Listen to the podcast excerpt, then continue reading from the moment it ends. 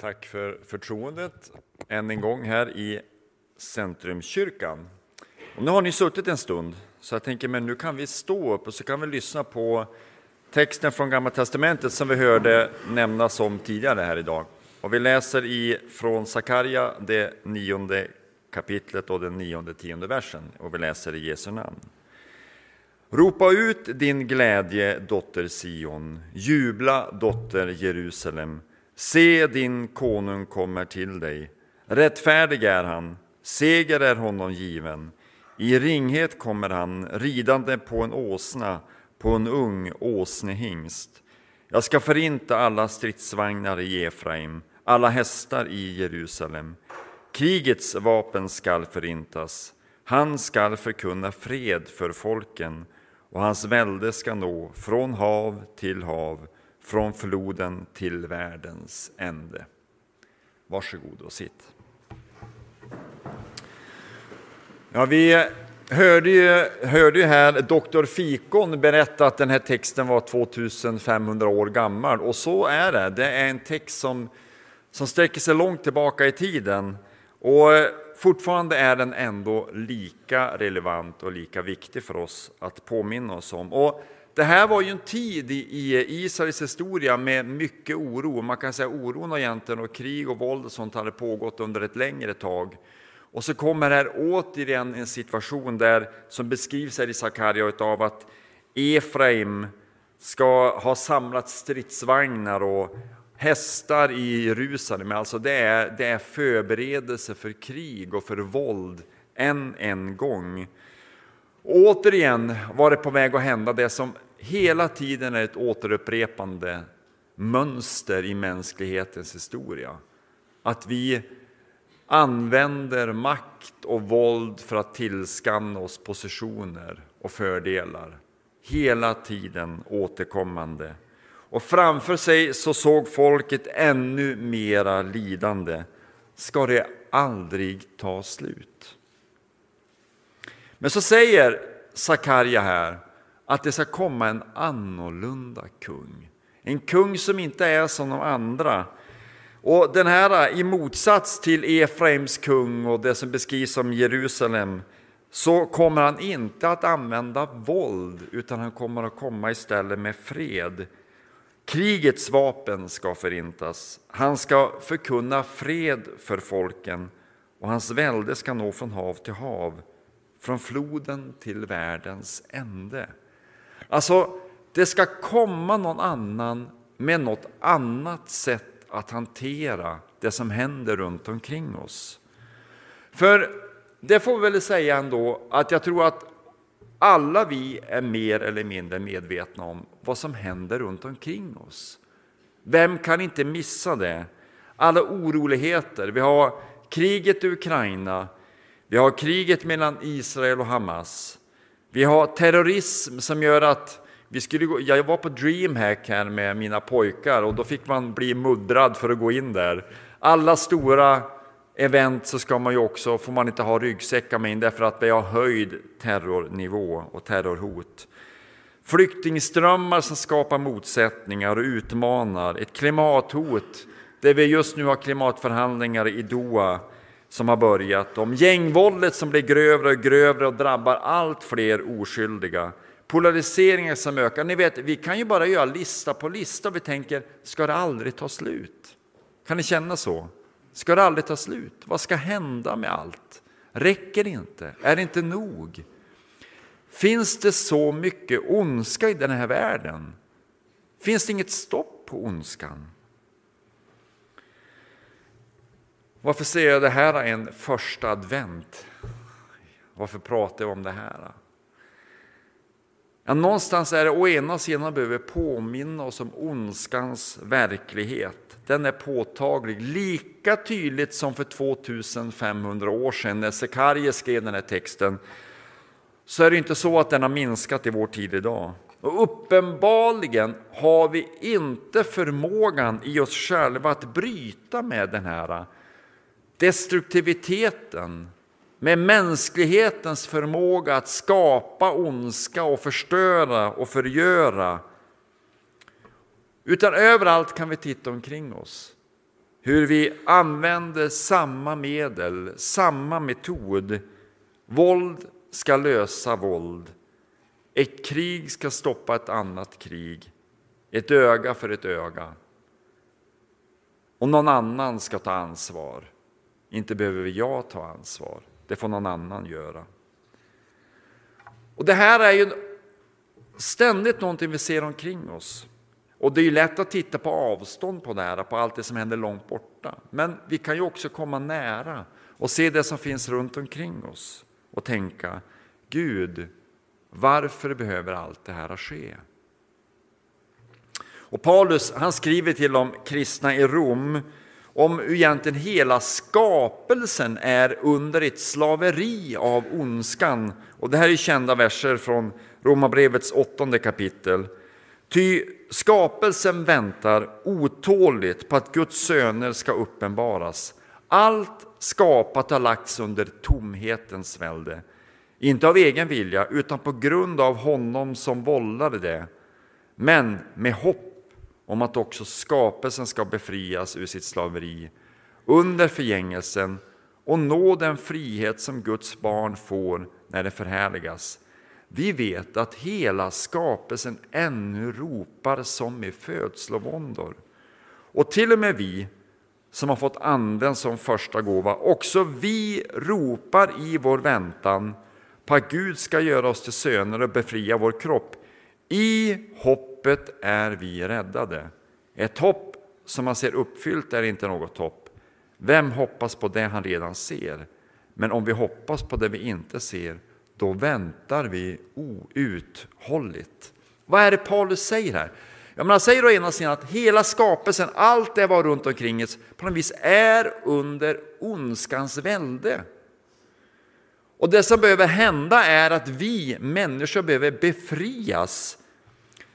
Vi behöver befrias från den makt som hela tiden gör att vi hamnar i ons, ondskans och våldets spiral. Och så säger han i slutet här att det är i hoppet vi är räddade. Alltså han säger, men vi som kristna har någonting att hoppas på. Alltså hoppet, någonting som kommer att komma. Det har inte hänt än, men det kommer att hända någonting som förändrar hela den här världens situation. Den ondska som håller världen och skapelsen och mänskligheten fången har ett slut. Det finns ett hopp. Men vi lever i den här tiden av väntan och den här hopp, känslan av hopplöshet tror jag vi alla kan känna mer eller mindre. Är i alla fall kan vi bära på en oro för hur ska det gå? Om inte för mig, men för mina barn eller för mina barnbarn eller för människor runt omkring oss. Det är helt naturligt att vi känner det och tänker och funderar på hur ska det gå? Hur ska allting gå? Och ibland så har vi den förmågan att vi försöker trycka undan den här oron och vi är ju ganska skickliga på det. Och delvis är det naturligt att vi orkar inte någonstans bära allt och höra allt. Och, jag menar, bakåt i tiden, vi behöver inte gå längre tillbaka än om vi backar 50 år i tiden eller något sånt. När, när nyhetssändningarna inte gick ständigt och när internet inte flödade och sociala medier, ja men då tog det ju lång tid innan vi fick reda på saker. Och massor med saker runt omkring i världen som hände behövde vi inte ta reda på. Vi behövde inte hantera allt det flöde av händelser som sker ständigt, ständigt runt omkring. Men nu drabbas vi av det, vi hör det, det kommer så nära oss. Allt det som vi inte kan göra någonting åt. Hur ska jag kunna förändra situationen i Gaza? Hur ska jag klara av det? Det går ju inte. Eller svälten där eller vad det nu är. Så det är naturligt att vi på något vis, på något vis trycker undan och håller det här på avstånd för vi, man orkar inte ta in allt. Men hur, hur gör vi så att vi inte bara stänger av allt? Att bara stoppar flödet så att det inte kommer nära oss. Vi är skickliga på det. Jag brukar säga det eh, att är det någonting vi är duktiga på så här idag så är det att då sätter vi på någon Netflix-serie och så tittar vi på 75 avsnitt av Vänner eller något sånt där alltså, som är bara allmänt uppiggande och så kan vi fly in i någon annan verklighet av, av positiva känslor. Eller vi hittar på andra sätt som gör att vi känner oss lite gladare, lite lyckligare. Vi kan trycka undan de här känslorna. Och att trycka undan oron, det är alltid en fara att göra det. Allt för ofta blundar vi för verkligheten och håller det på avstånd på olika sätt. Och det här möter man hela tiden. Och man behöver inte se på andra, man kan bara gå till sig själv. Hur hanterar jag allt det som händer runt omkring mig? Och Det här är någonting påtagligt. Jag, jag minns, ni som är så gamla så ni minns 11 september, det är, ju, det är ju otroligt att det är alltså 22 år sedan som 11 september hände. Men jag minns så väl, och jag tror att alla som var med, minns ni var ni var när ni fick reda på 11 september? Alltså man minns precis det. Jag var inne på Musikhögskolan i Örebro, för jag jobbade där och skulle ha ett möte med några stycken där. Och så får jag ett sms från en kompis som säger bara, har du sett vad som har hänt? Du måste kolla på det här. Och på något vis jag kan ju på en gång backa tillbaka till det minnet, ni vet, känslan av vad är det som händer? Hela världen kommer att rasa på något sätt. Och jag minns också efter det, i det sammanhang jag fanns i Örebro då, så minns jag att jag lyssnade på någon predikan och i princip gick predikan ut på så här, och att eh, nästan på något vis skydda oss. Ni behöver inte vara oroa, alltså att på något sätt hålla det här på distans. Och då minns jag att en, en lärare på missionsskolan som jag hade haft, han sa så här. Det sista vi behöver är att skyddas från mänsklighetens fördärv och ondskan. Vi behöver bli medvetna om det, därför att det är det som Gud känner och ser. Och vi kan inte hålla det på avstånd. Och det slog mig då, den här svåra balansen mellan att någonstans bära ett hopp utan att för den skull blunda för verkligheten. Alltså, våga se världen som den är, med ondska, med allt det som händer. Inte bara försöka skapa, låta Gud vara en snuttefilt som, som gör att allt känns lite skönt och bekvämt och så är allting bra. Utan att å ena sidan våga se sanningen, verkligheten, ondskan runt omkring oss och samtidigt bära på hoppet som finns i den tro som finns i Jesus Kristus. Det är farligt när man gör Gud till en snuttefilt. Ibland behöver vi också uppleva, bara känna en gnutta utav det Gud känner för sin skapelse. Och han gråter över det som händer. Så det handlar om att någonstans våga möta kanske oro och känslor, ta den på allvar och försöka utifrån det man kan göra någonting åt det som händer. Jesus säger så här i Johannes evangeliet. Ni ska lära känna sanningen och sanningen ska göra er fria. Alltså, den kristna tron och Jesus är tydlig med Blunda inte, förneka inte sanningen. För det är först när du vågar se sanningen som det också kan hända någonting och ske en förändring. Det finns en frihet i att se sanningen. Gud är inte intresserad av att vagga in oss i en frid som gör att vi inte ser sanningen.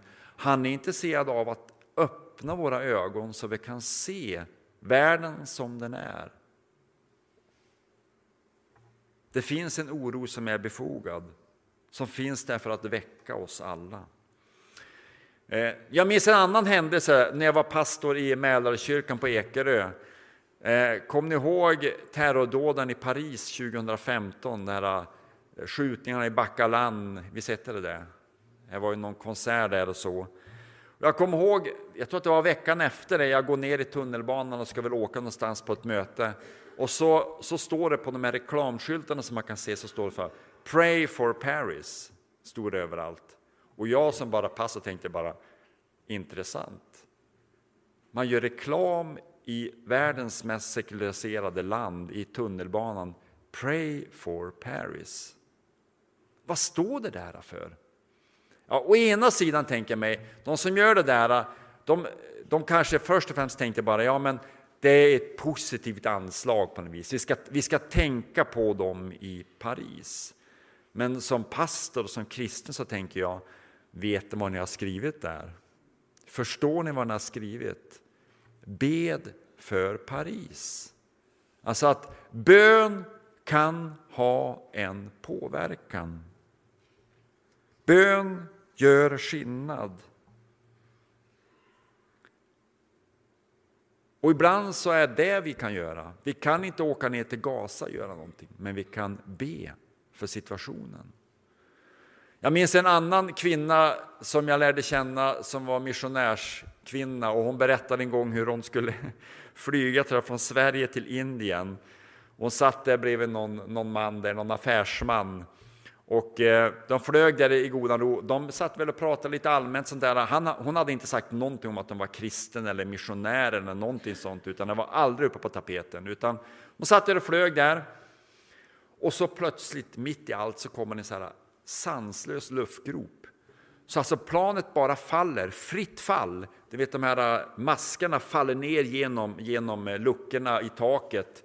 Och piloterna vrålar ungefär bara på med bältet, sätt på, sätt på er maskerna. Vet du, och, för att det bara faller. Så här. Och hon sa hon har aldrig, det var fruktansvärt hemskt.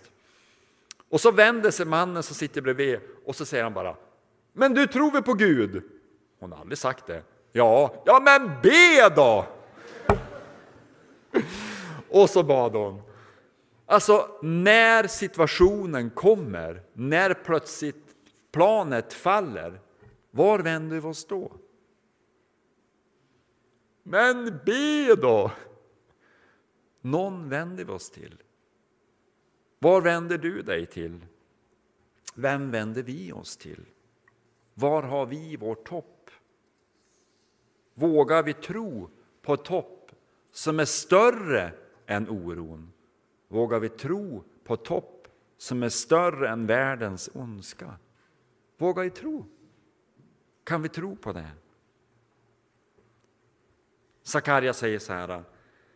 Se din konung kommer till dig. Och lite senare säger han, i ringhet kommer han. Alltså, han är på väg. Han kommer, han är på väg. Och det är det som adventstiden handlar om. Att vi väntar på den kungen som kommer.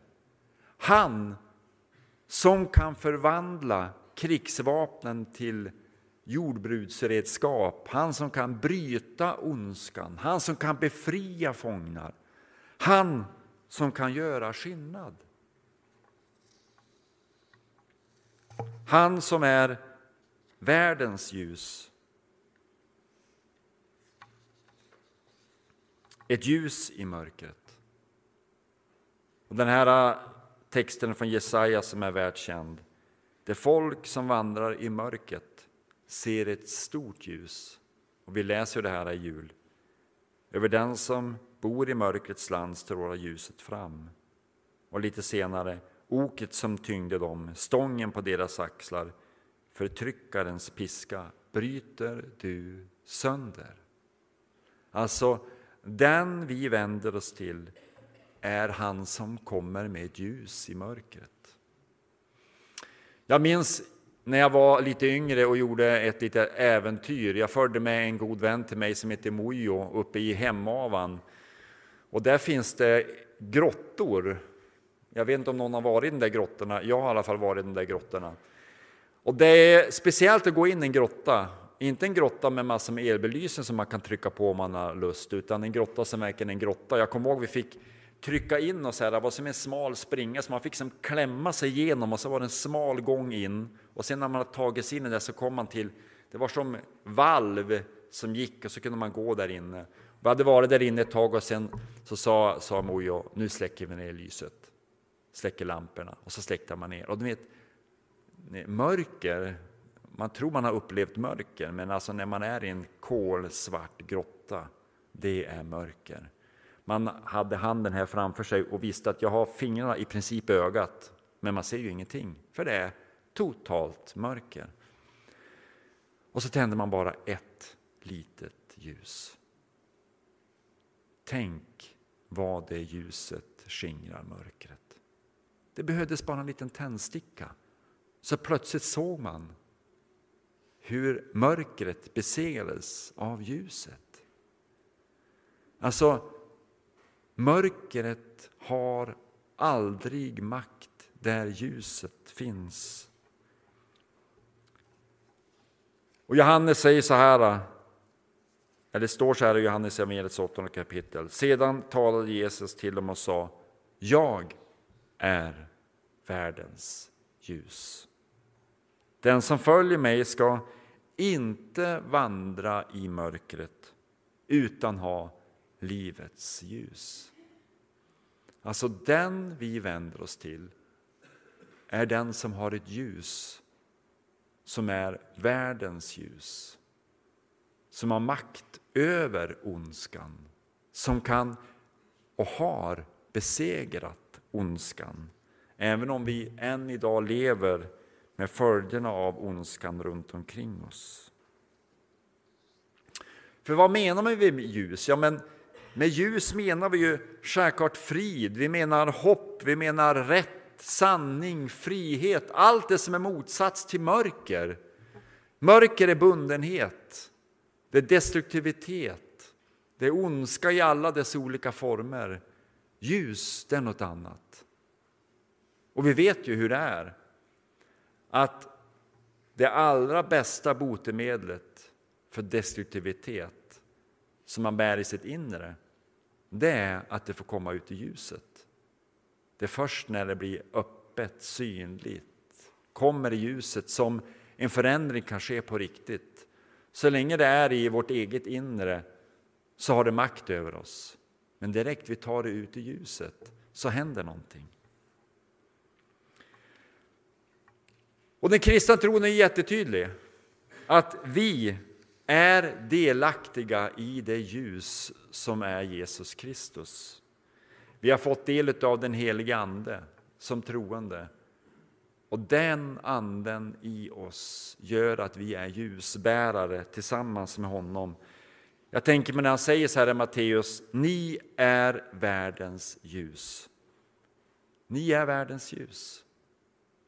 Alltså mitt i en värld av mörker som vi har runt omkring oss, långt borta men också mycket närmare oss, så kan vi få vara ett ljus.